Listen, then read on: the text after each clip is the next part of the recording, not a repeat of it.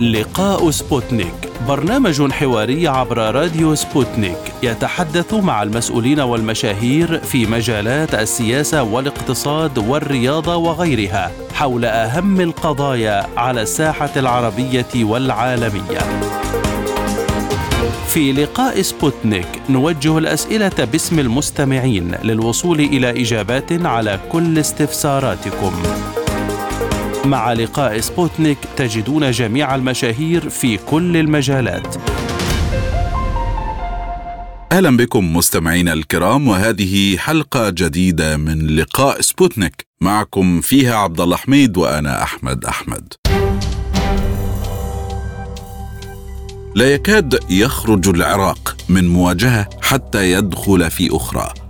فمع اشتعال أزمة معارضة الوجود الأمريكي في البلاد والهجمات المستمرة على القوات الأمريكية والرد الأمريكي بهجمات أخرى على الفصائل المسلحة العراقية تظهر جبهة إقليم كردستان وهجمة إيرانية على الإقليم بذريعة تهديد المعارضة لطهران أو تعاون جهات في الإقليم مع المساد الإسرائيلي. رئيس مجلس النواب العراقي بالإنابة محسن المندلاوي كان قد دعا الحكومة العراقية إلى تطبيق قرار المجلس بإخراج القوات الأجنبية من البلاد.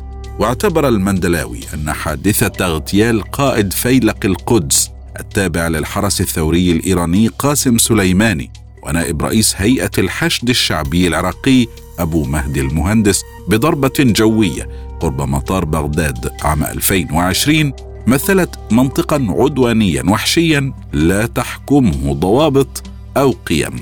وأصدر المكتب الإعلامي للمندلاوي بيانا قال فيه إن رئيس مجلس النواب بالإنابة محسن المندلاوي دعا السلطة التنفيذية إلى تطبيق القرار التشريعي رقم 18 لسنة 2020 الصادر عن مجلس النواب والقاضي بإخراج قوات التحالف الدولي من الأراضي العراقية لأن هذا القرار يمثل إرادة الشعب عبر ممثليه الذين أجمعوا على ذلك. وأشار إلى أن مجلس النواب على أتم الاستعداد لتقديم الدعم اللازم للحكومة في سبيل ذلك. وكانت القوات الأمريكية بالعراق قد قامت قبل أسبوعين بشن هجوم أدى إلى مقتل القيادي في حركة النجباء التابعه للحشد الشعبي مشتاق طالب السعيدي والملقب بأبو تقوى والذي كان يشغل منصب معاون قائد عمليات حزام بغداد بالحشد. وكذلك أحد مرافقيه في قصف أمريكي استهدف مقر اللواء الثاني عشر للحشد الشعبي في بغداد. وقال مسؤول دفاعي أمريكي إن الولايات المتحدة تواصل اتخاذ إجراءات لحماية قواتها في العراق وسوريا من خلال معالجة التهديدات التي تواجهها بينما قالت حركة النجباء في العراق إن المصالح الأمريكية ودول التحالف الذي تقوده الولايات المتحدة لن تكون آمنة. من الآن فصاعدا. للإضاءة على هذه القضايا يسعدنا أن نتحدث إلى سيادة النائب علي البنداوي تيار الحكمة ولجنة الأمن والدفاع بمجلس النواب العراقي. أهلا بك سيادة النائب.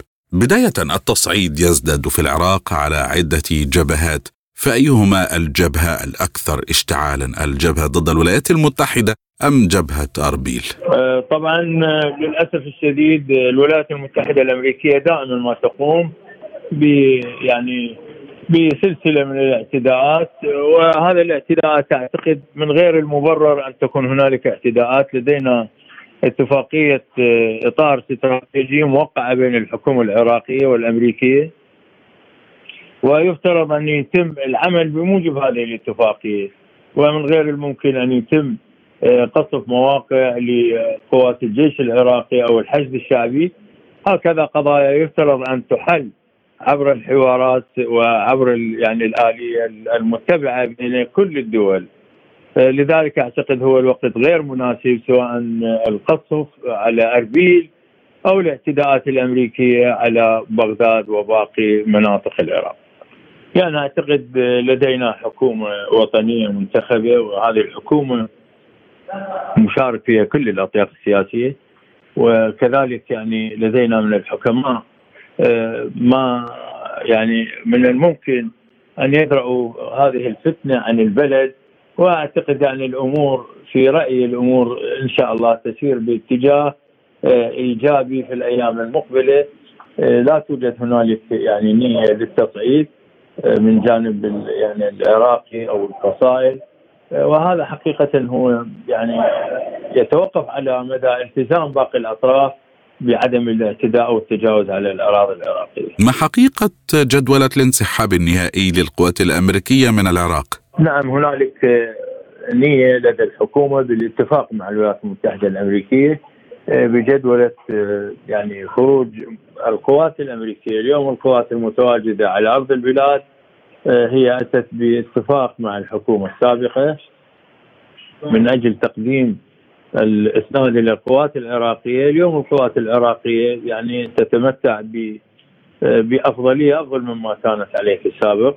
كانت هنالك لجنة فنية سبق وأن اجتمعت في واشنطن مع الولايات المتحدة الأمريكية آه، بخصوص آه، جدولة آه، خروج ما تبقى من القوات الأمريكية. وكان هنالك اتفاق مع السيد وزير الدفاع العراقي في واشنطن ومع القادة الأمنيين بضرورة أن تكون لجنة فنية مشتركة ويتم يعني خروج ما تبقى من هذه القوات بناء على تحسن الوضع الأمني في البلاد. وهذا ما طالب به السيد رئيس الوزراء خلال يعني لقاءاته الأخيرة وخصوصا عندما استقبل رئيس الوزراء الإسباني في بغداد. أعلنها صراحة بضرورة جدولة خروج القوات من العراق وعمل لجنة فنية مشتركة الغاية منها هي وضع ترتيبات لهكذا أمر يحدث. وهل هذه المرة سيكون الانسحاب حقيقيا للقوات الأمريكية؟ بطبيعة الحال الولايات المتحدة الأمريكية لديها سفارة في البلاد وهذه السفارة هي من تمثل الولايات المتحدة الأمريكية تعلمون ويعلم الجميع في العرف الدبلوماسي أن السفارة تزاول عمل دبلوماسي آه، آه، رعاية المصالح المشتركة بين البلدين والقضايا الدبلوماسية البعثات الدبلوماسية القضايا الاقتصادية وباقي الأمور.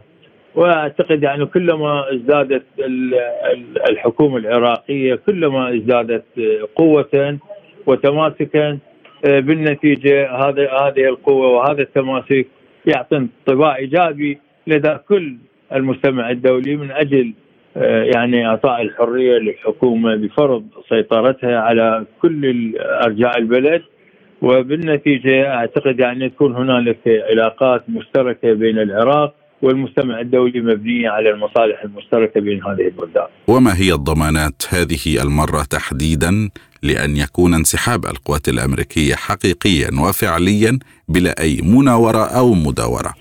آه، طبعا هذه هذه المرة سيتم تشكيل لجنة فنية. هذه اللجنة الفنية اليوم لا يوجد يعني قوات أمريكية على الأرض قوات مقاتلة. يعني حسب قرار اللي أقر مجلس النواب العراقي وكذلك الاتفاقية الاستراتيجية الموقعة بين العراق والولايات المتحدة الأمريكية انسحبت أغلب هذه القوات. ما تبقى من القوات هي قوات لغرض تقديم الدعم والإسناد والإرشاد للقوات العراقية. آه، اليوم القوات العراقية تتمتع ب يعني بكفاءة وبقدرة واليوم الحمد لله والشكر يعني التنظيمات الإرهابية تنظيمات داعش القاعدة وغيرها آه، تبنى على يد القوات العراقية ما نحتاج اليوم فقط هو يعني تجهيز لهذه القوات قواتنا الأمنية بصورة عامة آه، التجهيز والتسليح من من مناشئ مختلفة واليوم لدينا أكثر من مليونين مقاتل. فأعتقد يعني هذه ضمانة كافية وإعطاء يعني فرصة للحكومة العراقية. وكذلك هي راح يكون هنالك يعني عامل إيجابي من أجل أن تكون هذه اللجنة إن شاء الله. اللجنة الفنية التي ستشكل من أجل وضع يعني جدوله لهذه لخروج ما تبقى من هذه القوات أعتقد يعني مبنية على أسس رصينة سواء من الجانب يعني الدولي أو من الجانب العراقي. هل القوات العراقية وكافة عناصر الأمن في البلاد سيادة النائب جاهزة تماما وعلى الفور لتولي المهام أم هي في حاجة إلى وقت؟ طبعا القوات العراقية حاليا هي من تمسك الأرض، لا توجد هنالك أي قوات أجنبية تمسك الأرض. آه، فقط قوات عراقية سواء جيش عراقي أو حشد شعبي أو قوات وزارة الداخلية أو جهاز مكافحة الإرهاب أو البيشمركه. يعني اليوم ما تلقى أي قوات أجنبية على الأرض، القوات الأجنبية اليوم متواجدة في قاعدة الحريري وكذلك في قاعدة عين الأسد. ولكن على المستوى الواقعي لا توجد هناك أي قوات القوات العراقية اليوم جاهزة وحقيقه هي من تمسك بالملف الأمني. لدينا من القوات ما يكفي لحماية أمن البلاد. واليوم كل القوات تقوم بواجبها آه، حسب يعني على أفضل ما يمكن وعلى أفضل آه، صورة. ودليل ذلك اليوم حتى قوات الجيش بدأت تنسحب من المدن وتسلم إلى قوات آه، وزارة الداخلية. وأعتقد هي القوات هذه راح تنصرف إلى مواقعها الأساسية اللي هي معسكرات وحماية الحدود العراقية من جانب دول الجوار. البرلمان اقترح أن تلتزم الحكومة العراقية والقائد العام للقوات المسلحة باتخاذ جميع التدابير والإجراءات اللازمة لإنهاء الوجود العسكري الأمريكي في الأراضي والأجواء العراقية في موعد لا يتجاوز ثلاثة أشهر من تاريخ تشريع هذا المقترح. إذا ما هي الإجراءات والترتيبات المقصودة هنا؟ يعني لحد الآن مجلس النواب لم يعقد جلسة لهذا الخصوص، كان هنالك يعني دعوات لعقد جلسة. الحكومة سارعت إلى التفاهم التفاهم مع الولايات المتحدة الأمريكية بضرورة عقد لجنة فنية مشتركة كما أسلفت قبل قليل. اللجنة الفنية قبل أكثر من ثلاثة أشهر ذهب رئيس عفوا وزير الدفاع العراقي إلى واشنطن وكان الغاية منها هي وضع جدوله لخروج ما تبقى من القوات الأمريكية أو القوات الأخرى وتكون باتفاق الطرفين. وتم الاتفاق على تشكيل لجنة فنية في وقتها وتم الاتفاق على مجموعة من النقاط في مقدمتها ان الطائرات الأمريكية يعني خصوصا الطائرات المقاتلة يعني إذا كان هنالك طلعات جوية تكون بعلم الحكومة العراقية. وكذلك أن تم الاتفاق على تشكيل لجنة فنية. وهذه اللجنة الفنية هي من تقيم الوضع الأمني في البلاد وكل ما تحسن الوضع الأمني يتم خروج يعني آه، هذه القوات. لذلك أعتقد يعني هذه اللجنة الفنية هي متفق عليها بين العراق وبين الولايات المتحدة الأمريكية. ونقاطها ستكون يعني بالتشاور أو بالحوار مع الحكومتين سواء العراقية أو الأمريكية على اعتبار آه، يعني هي من تقييم الوضع الأمني على الأرض. وهل هناك بالتالي إجماع من الكتل الحزبية والقوى النيابية على هذه الخطة أم يوجد معارضون؟ نعم آه، أغلب الكتل السياسية دعمت الحكومة في هذا الإجراء على اعتبار يعني من غير الممكن أن يتم خروج هذه القوات أو ما تبقى من هذه القوات بطريقة القتال أو السلاح. آه، لغة الحوار حاضرة وهذه القوات هي موجودة بطلب يعني من الحكومة السابقة آه، لذلك يعني سيكون خروجها أو الاتفاق على خروجها هو عبر الحوار وأغلب الكتل السياسية سواء الشيعية أو السنية أو الكردية هي داعمة لهذه الخطوة. اقتراح البرلمان سيادة النائب كان يتحدث عن مدة ثلاثة أشهر، اذا هل هي كافية وواقعية من واقع خبرتكم والتجربة الماضية؟ لا طبعا هي غير كافية وكانت هنالك يعني اقتراح البرلمان أنا أسلفت قبل قليل لم يتم الاتفاق أو عقد جلسة كانت هنالك مطالبات وجمع تواقيع ولكن واقعا حتى في جمع التواقيع كانت هنالك يعني مطالبة بخروج هذه القوات خلال عام 2024 وبطبيعة الحال يعني وجود مثل الولايات المتحدة الأمريكية ودول تحالف أخرى من غير الممكن أن يتم خلال ثلاثة أشهر أشهر عفوا. فأعتقد يعني هذا الأمر هو متروك للحكومة وخروجهم يعني أعتقد عبر يعني القنوات والحوارات هو السبيل الوحيد لإنهاء هذا الوجود. هناك من يشكك في أن قرار رحيل القوات الأمريكية عن العراق في يد الحكومة وحدها، فما تعليقك سيادة النائب؟ يعني هناك من يرى ايادي أخرى داخلية وخارجية هي التي تتحكم في قرار رحيل القوات الأمريكية عن العراق، هل هذا صحيح؟ لا يعني لا أعتقد إنه قرار بقاء أو خروج هذه القوات هي بيد الحكومة.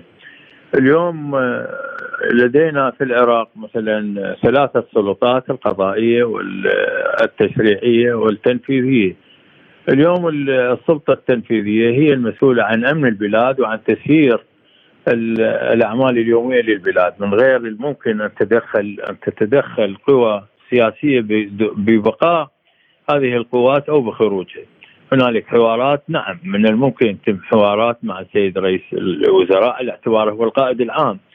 آه، يستمع للقوى السياسية نعم ولكن الأمر الأول والأخير هي بيد الحكومة بيد القائد العام وهو كذلك يستشير القادة الأمنيين المتواجدين آه، في معيته آه، لاعتبارات كثيرة يعني في مقدمتها انه أمن البلاد أعتقد أنه هي الحكومة التنفيذية هي من تتحمل آه، يعني أمن البلاد.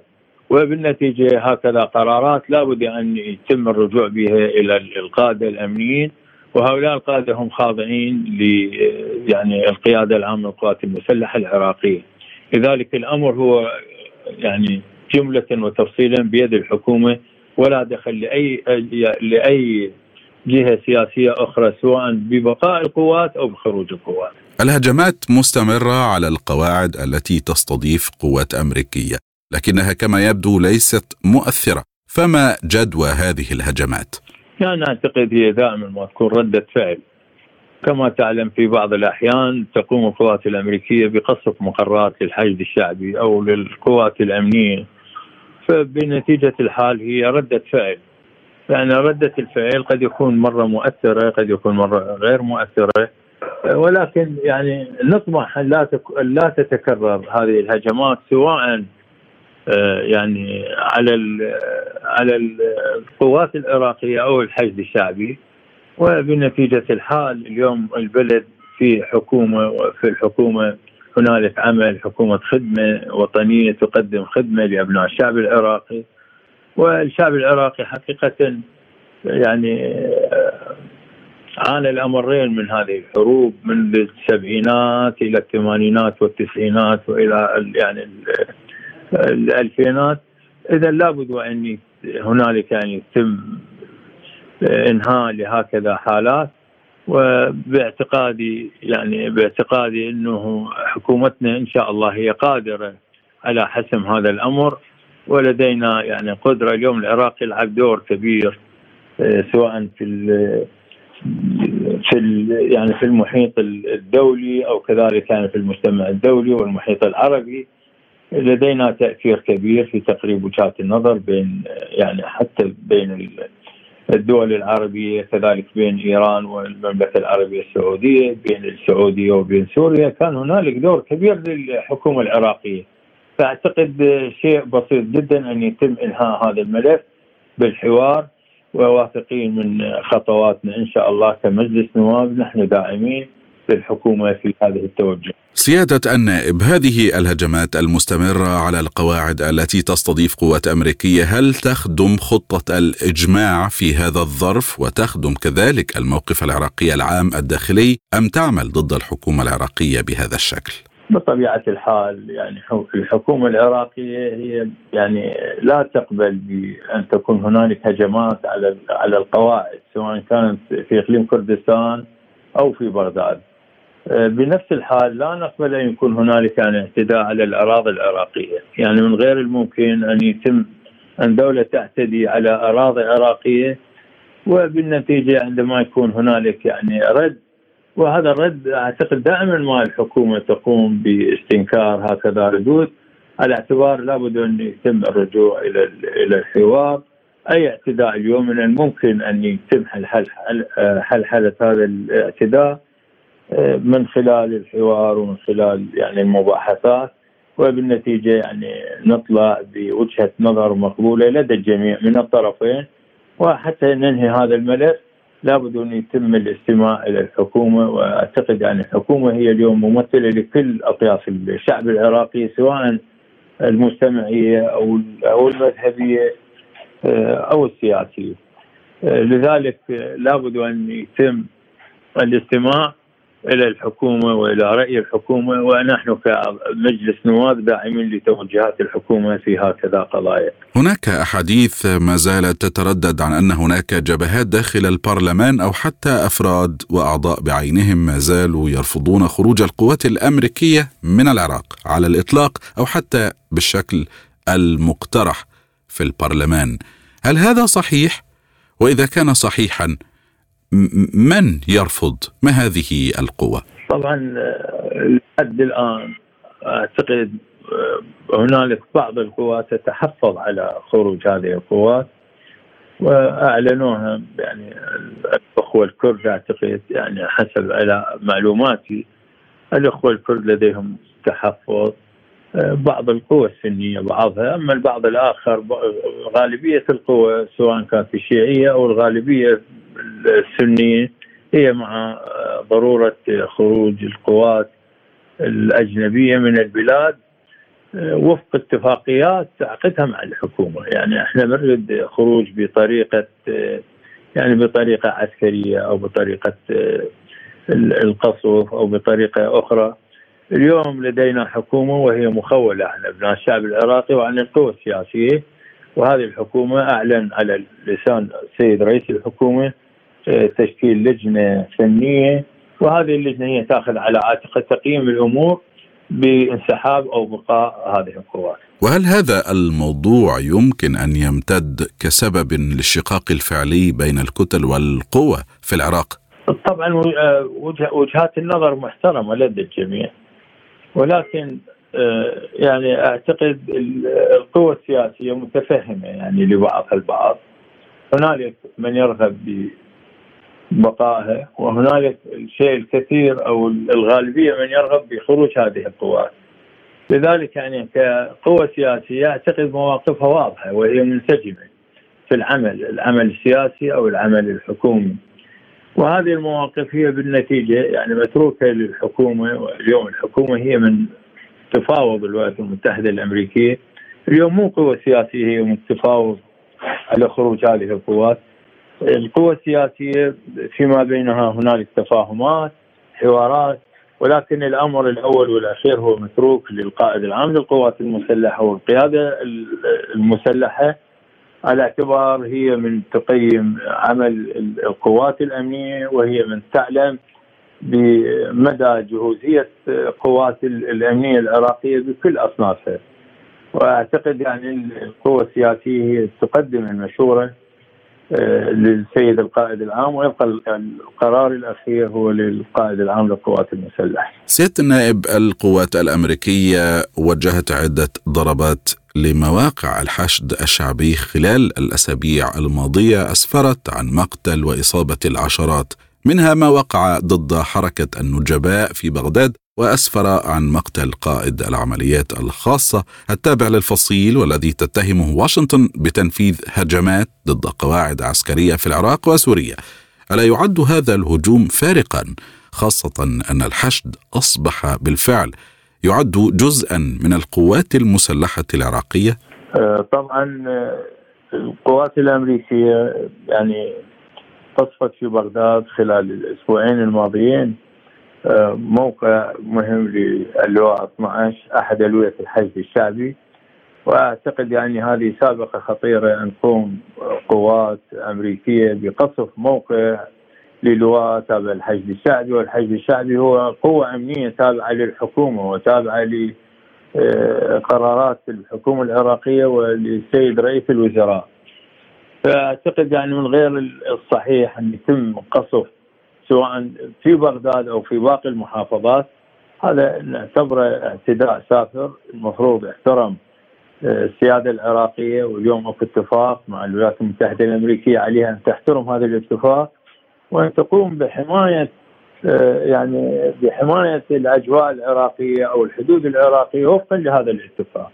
ومن غير الممكن أن تقوم بهكذا اتفاقيات وتقوم هي بخرق هذا الاتفاق وبالاعتداء على القوات الأمنية العراقية. هل ما أعلنته الحكومة يكفي لكي تتوقف الهجمات على الوجود الأمريكي بالعراق ولا تتسبب في أي مشكلات إضافية؟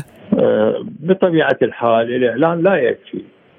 يعني الإعلان لا يكفي بقدر ما يجب أن يكون هنالك حوارات وتكون هنالك لقاءات مستمرة مع يعني سواء الفصائل المقاومة أو القوى السياسية الأخرى آه، على اعتبار يعني اليوم أغلب القوى السياسية أو أغلب قوى المقاومة هي ممثلة داخل الحكومة وبالنتيجة الحكومة تعمل اليوم جاهدة من أجل يعني استقرار وأمن البلاد.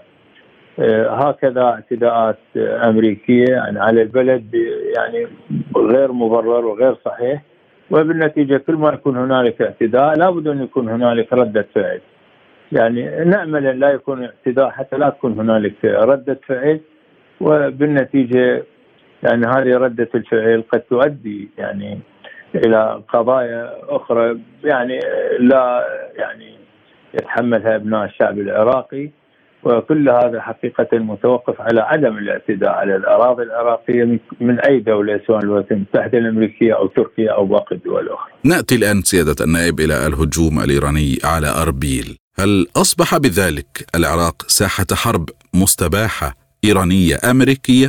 أه، طبعا يوم أمس أعتقد كان هنالك تصريح واضح لسيد مستشار الأمن القومي العراقي لجنة شكلها السيد رئيس الوزراء وذهبت إلى مكان الحادث وأعتقد يعني لم يكن المقصود يعني لم يكن هنالك دقة في الخبر اللي تم نشره الحكومة على لسان مستشار الأمن القومي العراقي على إنه هذه دار يعني تعود إلى مواطن عراقي من إقليم كردستان.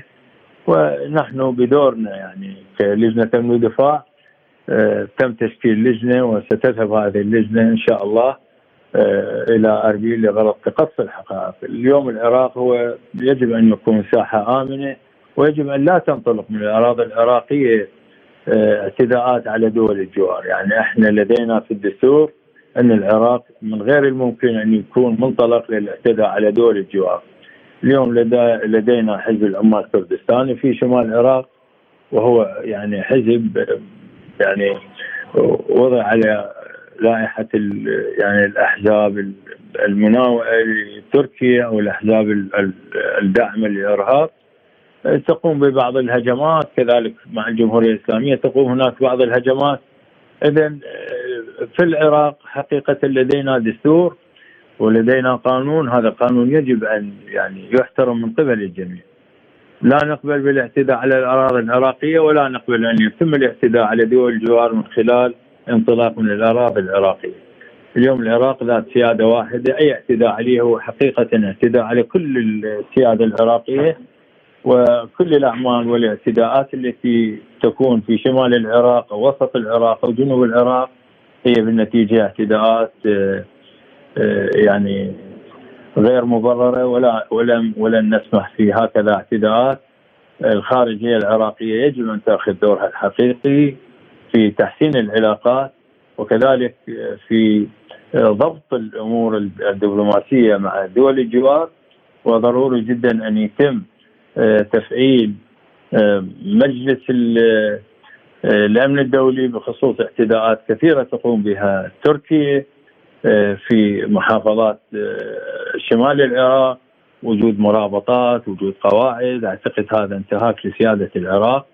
لم ولن نسمح به. وإن شاء الله يعني من خلال جولاتنا من خلال حواراتنا بين القوى السياسية آه، لابد انه يكون هنالك يعني آه، حد لهكذا تصرفات آه، كانت وستحدث بالمستقبل لا سامح الله يجب أن تتوقف كل الاعتداءات على الأراضي العراقية من أي دولة كانت ما كانت جاره أو غير جاره. وهل يتسق هذا مع شكوى بغداد طهران لدى مجلس الأمن الدولي على خلفية الغارات الإيرانية على أربيل مع تحدثكم عن لجنة تقصي حقائق بشأن هذا الأمر إلى أين اذا تذهب بغداد في هذه المسألة؟ آه، طبعا وزارة الخارجية استدعت القائم بالأعمال الإيرانية أو السفير الإيراني في بغداد وسلمته يعني وثيقة احتجاج رسميه باسم الحكومة. وأعتقد يعني العلاقة بين إيران الجمهورية الإسلامية الإيرانية وبين العراق هي علاقة يعني متطورة وعلاقة يعني مبنيه على حسن يعني الجوار والاحترام وأعتقد يعني الإيرانيين يستمعون كثيرا من السياسيين العراقيين واعتقد أعتقد إنه هكذا يعني يعني أمور من الممكن أن تحل خصوصا يعني مع إيران على اعتبار يعني هنالك آه، روابط وكذلك هنالك يعني تفاهمات واتفاقيات بين العراق وإيران، إيران كما تعلم ويعلم الجميع كانت داعمة للعراق طيلة الفترة الماضية خصوصا في حرب ضد داعش ولا زالت يعني تقدم الدعم لحد الآن وأعتقد هكذا أمور من الممكن أن تحل مع الجاره إيران عبر الحوار. هناك الكثير من الأنباء تتحدث عن علاقات بين أربيل وإسرائيل، فما حقيقة ذلك؟ يعني حقيقة لا تتوفر لدينا يعني أو أتحدث عن عن نفسي لا تتوفر لدينا معلومات عن وجود هكذا يعني علاقات. دائما هكذا أمور أعتقد يعني ما يتطرقونها في الإعلام ولا نشك يوما في وطنية السادة القادة في الكرد يعني على المستوى الرسمي وحتى على المستوى السياسي. اليوم كردستان هو جزء من العراق وهم مشاركين في الحكومة ولهم دور كبير في استتباب الأمن في البلد وأعتقد يعني هكذا علاقات لا توجد مع يعني سواء في إقليم كردستان أو مع القادة الكرد بصورة عامة. هذه دائما ما يتم الحديث عنها عبر وسائل الاعلام وانت تعلم يعني وسائل الاعلام دائما تثير قضايا يعني هي غير حقيقية من غير الممكن أن تكون هنالك يعني تواجد لإسرائيل رسمي في إقليم كردستان لم نسمع بهكذا وجود والأخوة الكرد يعني هم معروفين بمواقفهم الوطنية ومحاربة النظام السابق. أيضا ما هي الأحزاب أو الجبهات السياسية في كردستان التي ترى أنه يمكنها إقامة علاقات مع إسرائيل وكيف يؤثر ذلك على العراق؟ يعني أنا لا أتوقع هنالك يعني جهات سياسية رسميه تعلن بالعلن إقامة علاقات مع إسرائيل. وفي السياق أيضا سيادة النائب إلى أين يذهب هذا الملف بكل هذه التطورات وفي ظل كافة الأوضاع الداخلية والخارجية؟ يعني إحنا لدينا مجلس نواب عراقي ومجلس النواب العراقي أصدر قانون بتجريم العلاقة أو تجريم التطبيع مع إسرائيل. لذلك لا أعتقد إنه اليوم أي إنسان أو أي شخص يعني في العراق وحتى في المستوى السياسي على أقل التقادير نتحدث هو من يقوم بعلاقات مع إسرائيل، العلاقة مع إسرائيل مرفوضه جملة وتفصيلا ولدينا قانون وأعتقد القانون صوت عليه مجلس النواب العراقي في هذه الجلسة بتجريم التطبيع العلاقات مع إسرائيل. إسرائيل اليوم بلد يعني دمر الشعب الفلسطيني إسرائيل هو من أحتل فلسطين هو من أحتل جنوب لبنان في في وقت يعني سابق لذلك العلاقة مع إسرائيل أعتقد هي علاقة مرفوضة جملة وتفصيلا سواء على يعني على المستوى العقائدي وكذلك حتى على المستوى السياسي والمجتمعي. لا توجد هنالك أي علاقة ل يعني المكونات العراقية السياسية أو المذهبية أو نية في اقامه اي علاقه مع هذا العدو الصهيوني الراصد. ختاما وهل تؤثر شكوى بغداد طهران في مجلس الأمن الدولي على خلفية الغارات الإيرانية على أربيل، هل تؤثر على العلاقات الإيرانية العراقية بأي شكل من الأشكال في مثل هذه الظروف الإقليمية والدولية؟ طبعا العلاقات الإيرانية العراقية هي ليست علاقة جديدة على اعتبار يعني إيران اليوم هي مجاورة للعراق منذ آلاف السنين وستبقى مجاورة. هذا اولا، ثانيا العلاقة بين إيران الجمهورية الإسلامية الإيرانية والعراق خصوصا بعد سقوط النظام البائد. يعني كانت علاقات متزنة. قامت إيران بتقديم الدعم الكبير للقوات الأمنية والحشد الشعبي. كذلك يعني دعمت لوجستيا دعمت بمستشارين. اعتقد أمن العراق يعني اليوم هو كذلك يهم أمن إيران. يعني مو فقط إنه الأمن العراقي. أمن المنطقة اليوم كله مرتبط العراق اليوم للأسف يعني أصبح ساحه لتصفية يعني بعض الحسابات ولكن بنتيجة الحال أعتقد يعني بيتم معالجة هذا الأمر بالحوار بين الحكومتين العراقية والإيرانية. ولا يحتاج إلى أن نذهب إلى مجلس الأمن أو يعني حتى لا نكون يعني متسرعين دائما في هكذا قرارات إيران تسمع وتستجيب وكذلك يعني هنالك يعني اتفاقيات كثيرة بين الجانبين العراقي والإيراني في مقدمة مثلا هو ضبط الحدود المشتركة بين البلدين وكذلك بعض القضايا اللي من شانها دعم الأمن المجتمعي والسلم الأهلي في البلد. لذلك هذه القضية أعتقد يعني في نظري يتم يعني القضاء عليها من خلال الحوار بين الدولتين. في نهاية هذا الحوار نتوجه بجزيل الشكر والتقدير لسيادة النائب علي البنداوي طيار الحكمة لجنة الأمن والدفاع بالبرلمان العراقي الشكر موصول لحضراتكم مستمعينا الكرام ونستأنف فقرات هذه الحلقة بعد فاصل مع زميلي عبد الله حميد شكرا للزميل أحمد أحمد. البرلمان العراقي استنكر الهجوم الإيراني على مدينة أربيل والذي أدى إلى وقوع عدد من الضحايا وطلبت الحكومة الاتحادية والقائد العام للقوات المسلحة بالتدخل الفوري لحماية السيادة الوطنية ووجه بتشكيل لجنة مشتركة من الأمن والدفاع والخارجية النيابية للوقوف على تفاصيل الاعتداء وما تسبب من ضرر وخسائر في أرواح المواطنين المدنيين. وأعلن مجلس أمن إقليم كردستان في وقت مبكر استشهاد وإصابة عشرة أشخاص جراء القصف الإيراني على أربيل في حصيلة أولية فيما استنكر المجلس هذا القصف الذي اعتبره بغير المبرر مؤكدا على أنه انتهاك صارخ لسيادة الإقليم والعراق. وقدم العراق شكوى ضد إيران إلى مجلس الأمن والأمم المتحدة بشأن هجوم الحرس الثوري على مدينة أربيل. وقال مستشار رئيس وزراء العراق إن القصف الإيراني على أربيل يهدد الأمن والاستقرار بالمنطقة. هذا واتهم رئيس وزراء إقليم كردستان العراق مسرور برزاني اتهم إيران بقتل مدنيين أبرياء في ضربات شنتها على عاصمة الإقليم. من جانبها أعلنت إيران أن الضربات التي وجهها الحرس الثوري جزء من تحركاتها في مواجهة من ينتهكون الأمن في البلاد. وقالت إيران إنها أطلقت صواريخ باليستية على أهداف في العراق وسوريا دفاعا عن سيادتها وأمنها وكذلك لمواجهة الإرهاب.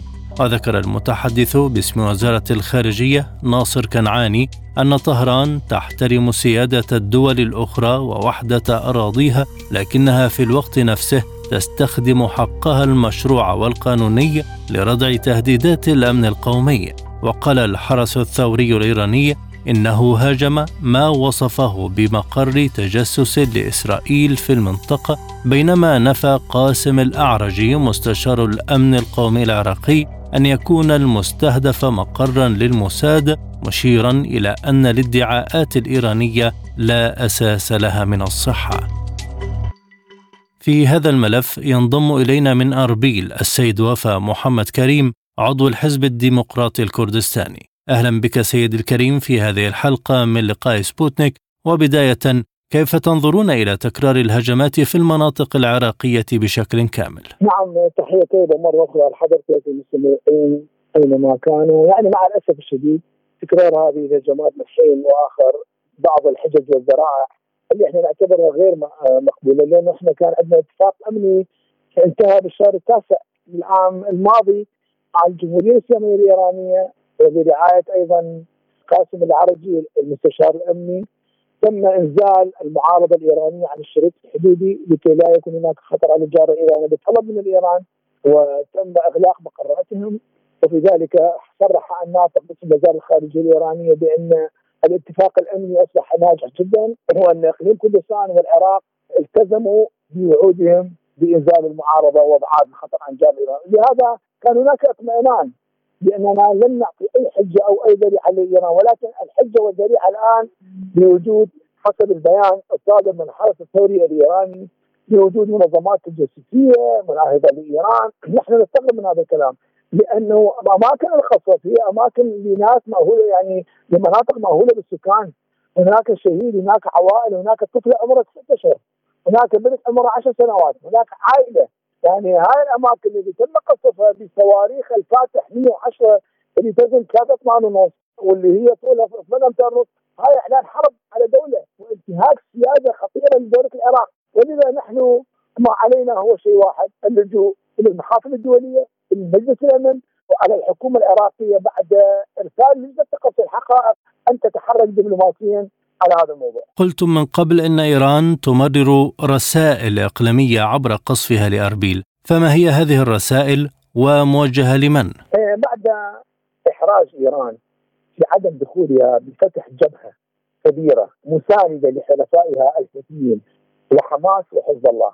بعد عملية طوفان الأقصى طبعا نعرف إيران قالت إن ليست لها أي ضلع في هذه العملية. الآن هي محرجة أمام حلفائها من أمريكا تدخلت وبريطانيا تدخلت لدعم إسرائيل. وحلفاء يطلبون منها أن يكون هناك افتتاح جبهة كبيرة لدولة كإيران. ولكن هي هذه الصواريخ تريد أن تبعث رساله بأن هذه الصواريخ دعم لغزة ودعم لهم. أي حتى حلفائهم سوف لن يصدقوا هذا الموضوع. أي إن إيران تريد أن تربط القصف الذي على اقليم كردستان بأن هناك شبكات موساد إسرائيلية وهي تخطف الموساد الإسرائيلية. وهو الدعم لقطاع غزة، فهي هاي الرساله آه، اللي ترسلها إيران لحلفائها. ما الذي يربط إقليم كردستان بإسرائيل في هذا التوقيت؟ هو هذا السؤال اللي دائما إحنا نسأل ما علاقة إقليم كردستان؟ يعني ناحية اقتصادية، تجارية، إقليمية، تاريخية، سياسية، أي ربط بين إقليم كردستان آه، وإسرائيل؟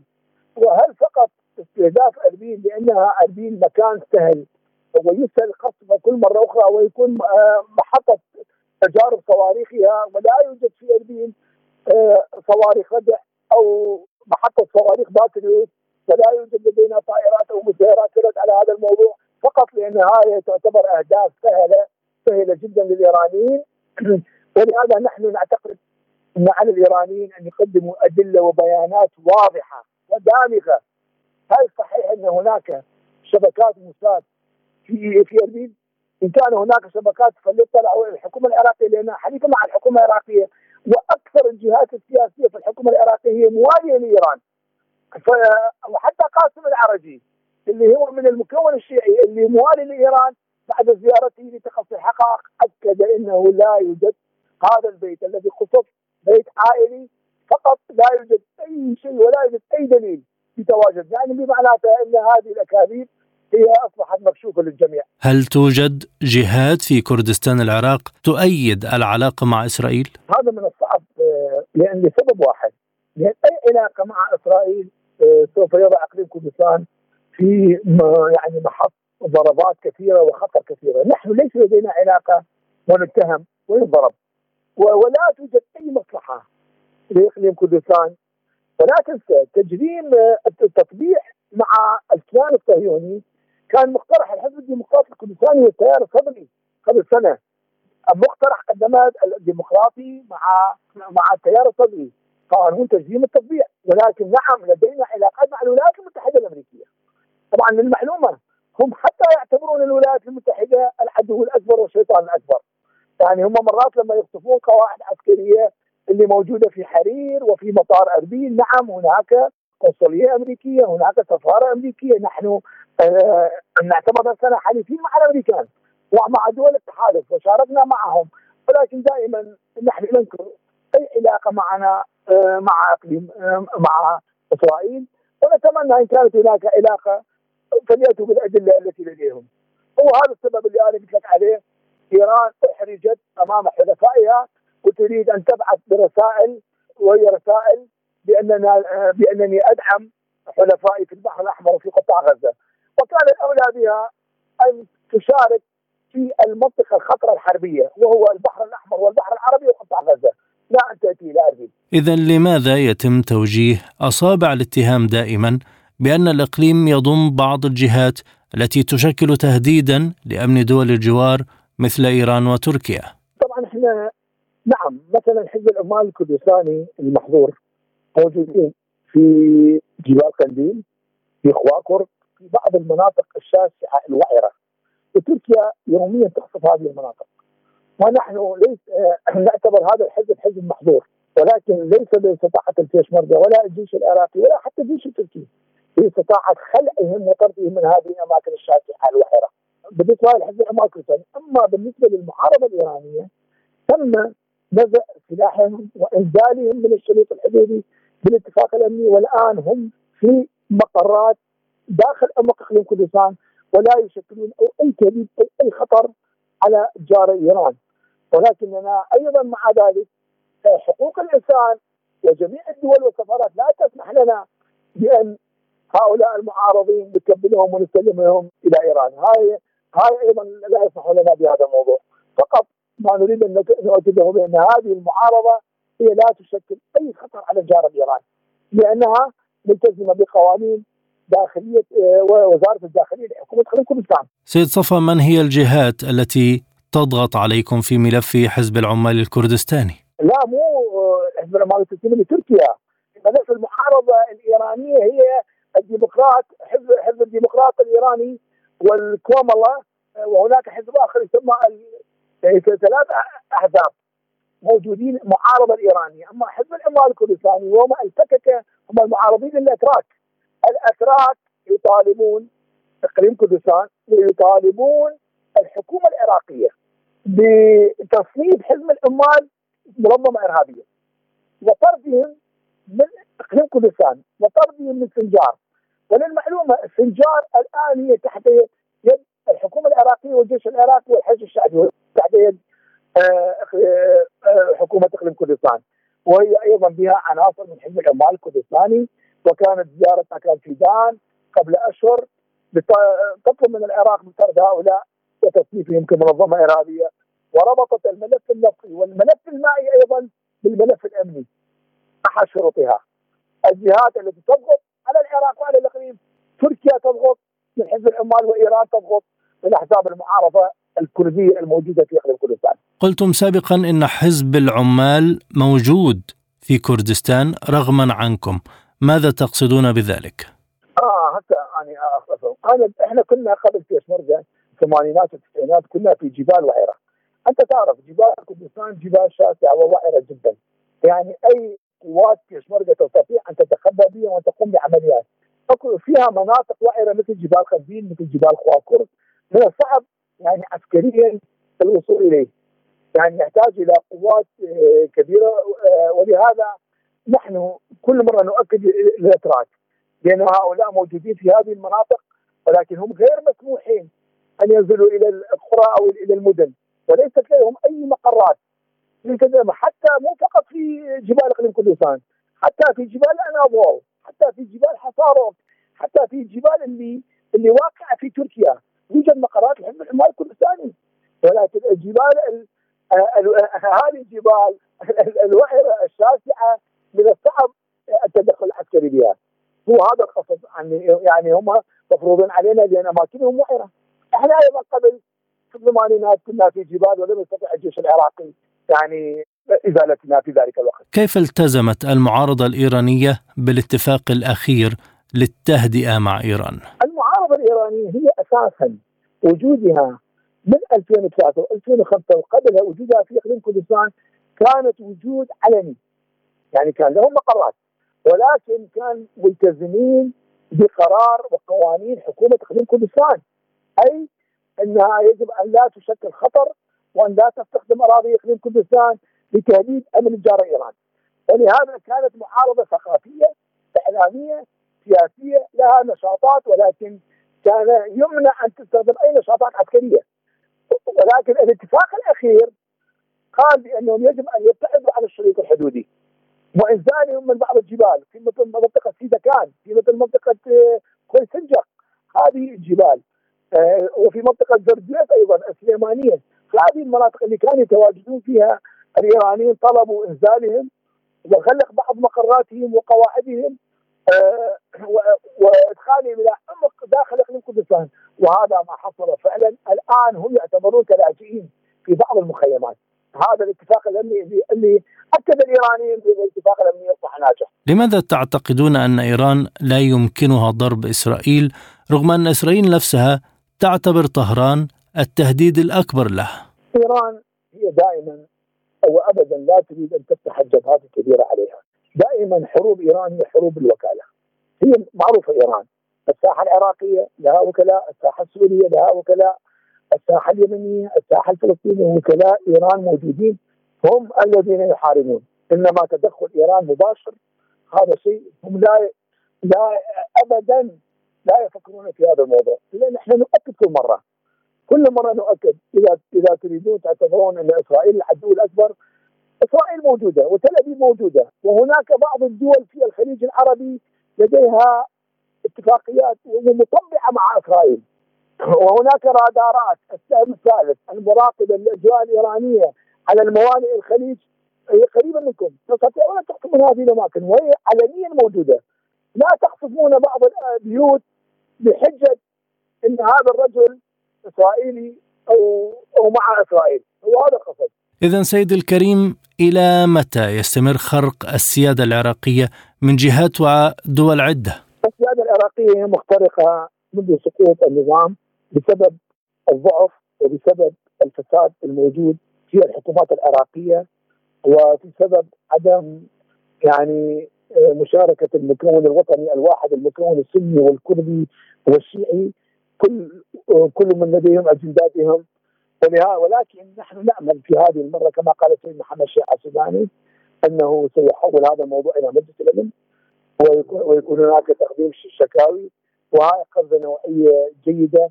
لأن نحن نعتبر إن انتهاك السياده مو فقط بقطع المواقع من تركيا لو من إيران. هناك قطع الاستحقاقات المائية لا يوجد إطلاقات مائية مقابل الجارة التركية والجارة الإيرانية.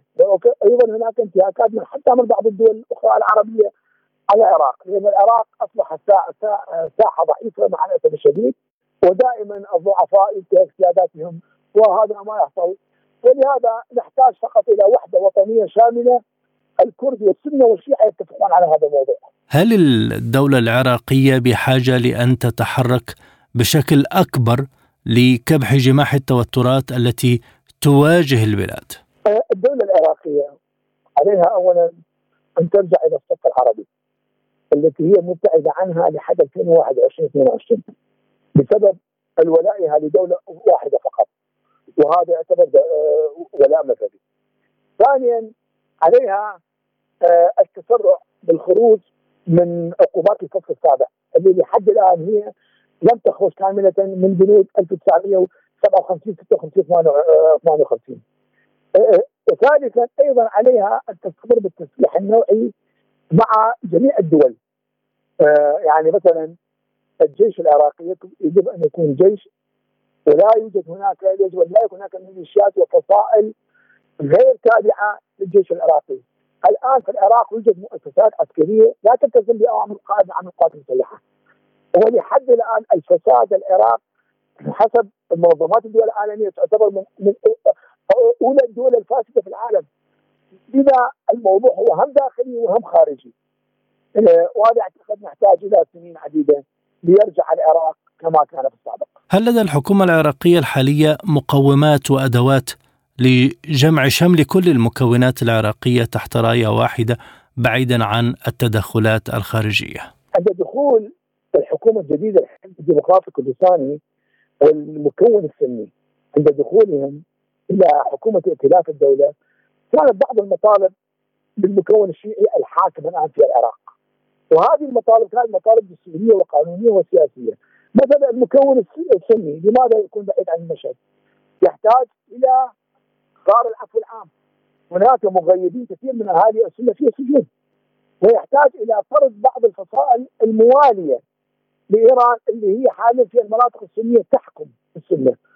وأيضا المكون الكردي يطالب بتنفيذ المادة 140 الدستوريه واطلاق حصه الموازنة لاقليم كردستان لا تزال هناك مشاكل مالية. اذا وحده الصف الوطني في حل لتنفيذ هذه المطالب.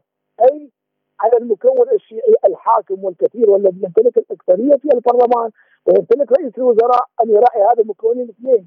لأن أساسا بناء العراق الجديد كان باتفاق سياسي أن يكون هناك توازن وشراكة وتوافق بين هذه الثلاث المكونات. وأنا كنت قريب من الحدث. ولكن مع الاسف الشديد لحد الآن.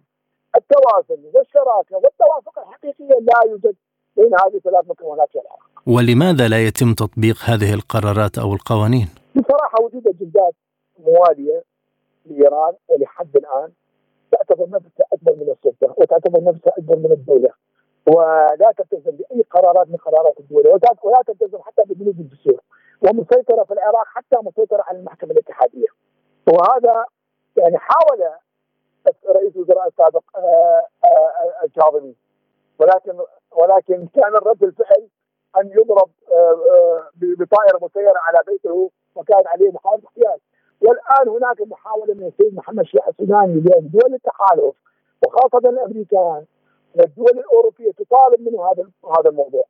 هناك محاولات جدية من رئيس الوزراء ولكن مع الأسف لم يتم تنفيذها فعليا على الساحة العراقية. سيد وفاء ما موقفكم من المطالبات الداخلية بضرورة خروج القوات الأمريكية بشكل كامل من البلاد؟ طبعا انسحاب القوات الأمريكية هو أنت تعرف هناك قرار برلمان مجلس النواب العراقي في 2020 يطلب بخروج جميع القوات الأجنبية الموجودة على الساحة العراقية.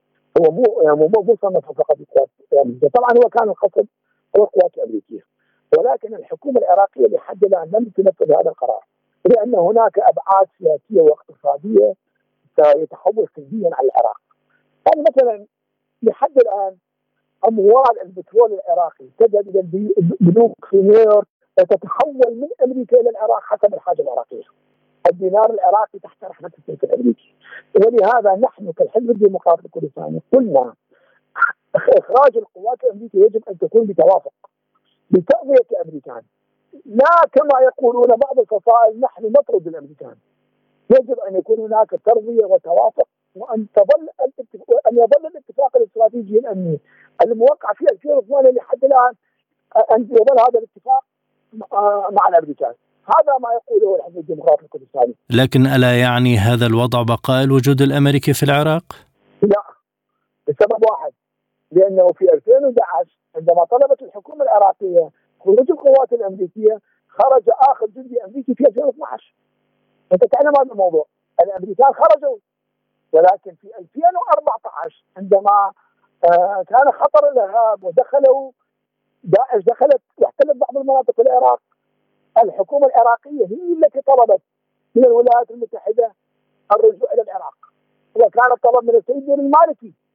يعني هم اللي رجعوا الأمريكان بطلب منهم من محاربة الإرهاب والآن عندما يطلبون أيضا من الأمريكان الرجوع فيجب أن يكون هناك دراسة ومدة زمنية ومدة زمنية محددة وكما قلت الديمقراطي يقول يجب اولا أن نؤكد من إن خلايا الارهاب الداعشية هي منتهية. أخيرا آه، ما هو موقفكم من الحرب على غزة التي دخلت شهرها الرابع؟ اول ادانه عندما تم قصف المستشفى كان ادانه من رئيس إقليم كردستان على هذه الجريمة الكبيره، قتل الأبرياء وقتل الأطفال في أي مكان هي تعتبر جريمة ونحن ندينها في أي مكان، إن كانت في غزة، إن كانت في الصومال، إن كانت في سوريا، نفس رأي الحكومة العراقية.